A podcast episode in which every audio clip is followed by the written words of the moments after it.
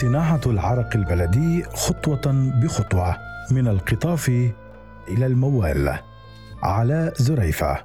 حليب السباع كما يحلو لشاربيه وصفه والمنكر كما يسميه بعض الساخرين من فكرة تحريمه. أما في اللغة فهو الشرب أي ماء العنب.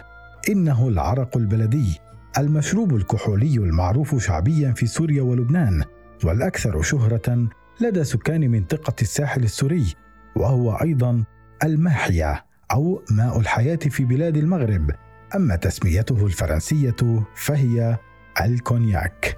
يتم تصنيعه في سوريا منذ القدم لدى كثير من العائلات ضمن المؤونة إما لاستهلاكه في ليالي الشتاء الباردة أو كنوع من الضيافة وإكرام الضيف وأحيانا لبيعه ضمن دائرة المعارف والأصدقاء الضيقة ممن لا يستسيغون طعم العرق التجاري.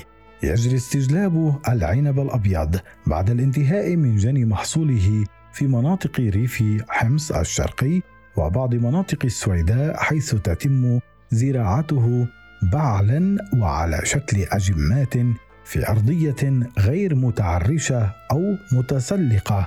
تعرف تلك المناطق بتربتها الحمراء وتسمى تيرا روزا. أي تربة البحر المتوسط الحمراء وهي الأفضل لزراعة العنب يساعدها في هذا المناخ الملائم الذي يعطي ثمار العنب الطعم الشهي ودرجة الحلاوة المرتفعة المناسبة لاستخراج العرق والذي يعرف كيميائيا بأنه مشروب كحولي مقطر يحلى باليانسون الكبيس أو المعصور. في حديثه لرصيف 22 يروي أبو محمد 55 عاما والذي يعمل مزارعا عن طريقة إعداد وتحضير العنب في مراحله الأولى قبل أن يغدو عرقا. ففي شهر آب أغسطس من كل عام وبعد جني محصول العنب واكتسابه الطعم والحلاوة المناسبة يتم تجهيزه للعصر عبر وضعه في أوعية مسطحة تسمى بالطشت ليصار إلى هرسه بالأرجل بعد ارتداء أحذية نظيفة من الكاوتشوك أو أكياس جديدة خلال عملية الهرس يجب عدم كسر بذور العنب كي لا يكتسب طعم العرق فيما بعد مرارة غير مرغوبة. العنب المهروس الذي غدا كبيسا أو معصورا كما يقول أبو محمد يتم وضعه في براميل خاصة قد تكون من البلاستيك أو stainless steel وهي مخصصة لحفظ المواد الغذائية ويوضح أنه لا يجوز استخدام براميل حديدية لأن الحديد يتفاعل مع الكبيس المخزن ما يعطي العرق طعما غير مستساغ فيما بعد. ثم تغطى البراميل تماما بالنايلون المقوى لئلا يدخلها الهواء ويجب عدم ملء البراميل بالكامل والاكتفاء بنسبة 80% من استيعابها للسماح بتفاعل الكبيس مع الغازات وبالتالي دخوله مرحلة التخمر. تحفظ البراميل في مكان دافئ بعيدا عن عوامل الرطوبة وأشعة الشمس ويتم عزلها سواء بالقش أو الألواح الخشبية لمدة تتراوح من 40 إلى 90 يوما لتدخل بعدها في مرحلة تعرف بالكلكة التقليدية أو التكليك. خطوة بخطوة حتى يعلو الموال. يتألف جهاز الكلكة النحاسي المصنع محليا من طنجرة أو قدر كبير يسمى شعبيا بالدست وهو متصل بغطاء قمعي الشكل وهذا الأخير متصل بدوره بأنبوب نحاسي قطره من الأعلى 10 سنتيمتر وارتفاعه 70 سنتيمتر. وينتهي هذا الغطاء بخزان محدب القاع مهمته حبس البخار المتصاعد الذي يساعد في عملية التقطير. تبدأ هذه العملية كما يتحدث أبو محمد دائما بملء الدست بنسبة 75% من حجم استيعابه ب 20 كيلوغرام من الكبيس المخمر مع إضافة 10 لترات من الماء و15 كيلوغراما من اليانسون الشامي وهو المفضل لدى صناع العرق البلدي لنقائه وخلوه من الشوائب. وبالطبع لإضفاء الحلاوة على طعم العرق. في الخطوة التالية يركب فوقه القمع النحاسي ثم يغلق بإحكام باستخدام عجينة الرماد منعا لنفاذ البخار ومع بدء عملية الغليان يتقطر العرق بصورة أوتوماتيكية عبر أنبوب يصل بين الكلكة وعبوة مخصصة لتعبئة العرق تستمر هذه العملية لمدة أربع ساعات ينتج خلالها ستة لترات من العرق الصافي.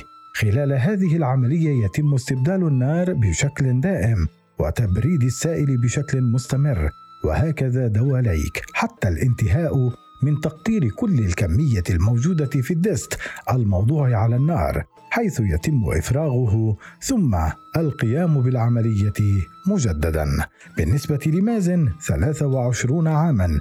والذي يدرس حاليا في الجامعة.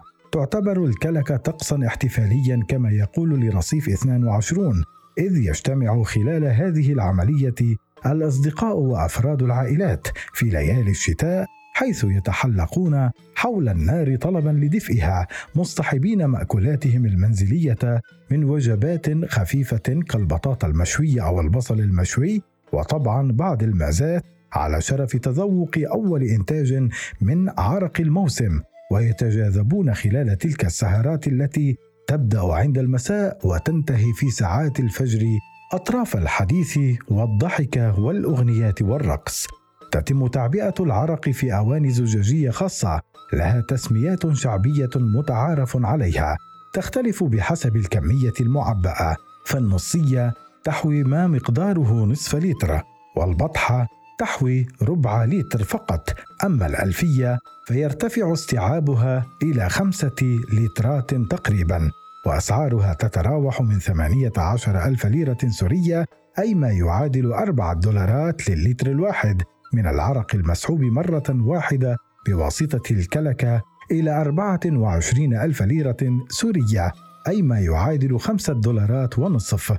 من لتر العرق المثلث أي المسحوب لثلاث مرات ويتمتع بجودته العالية وطعمه الفريد.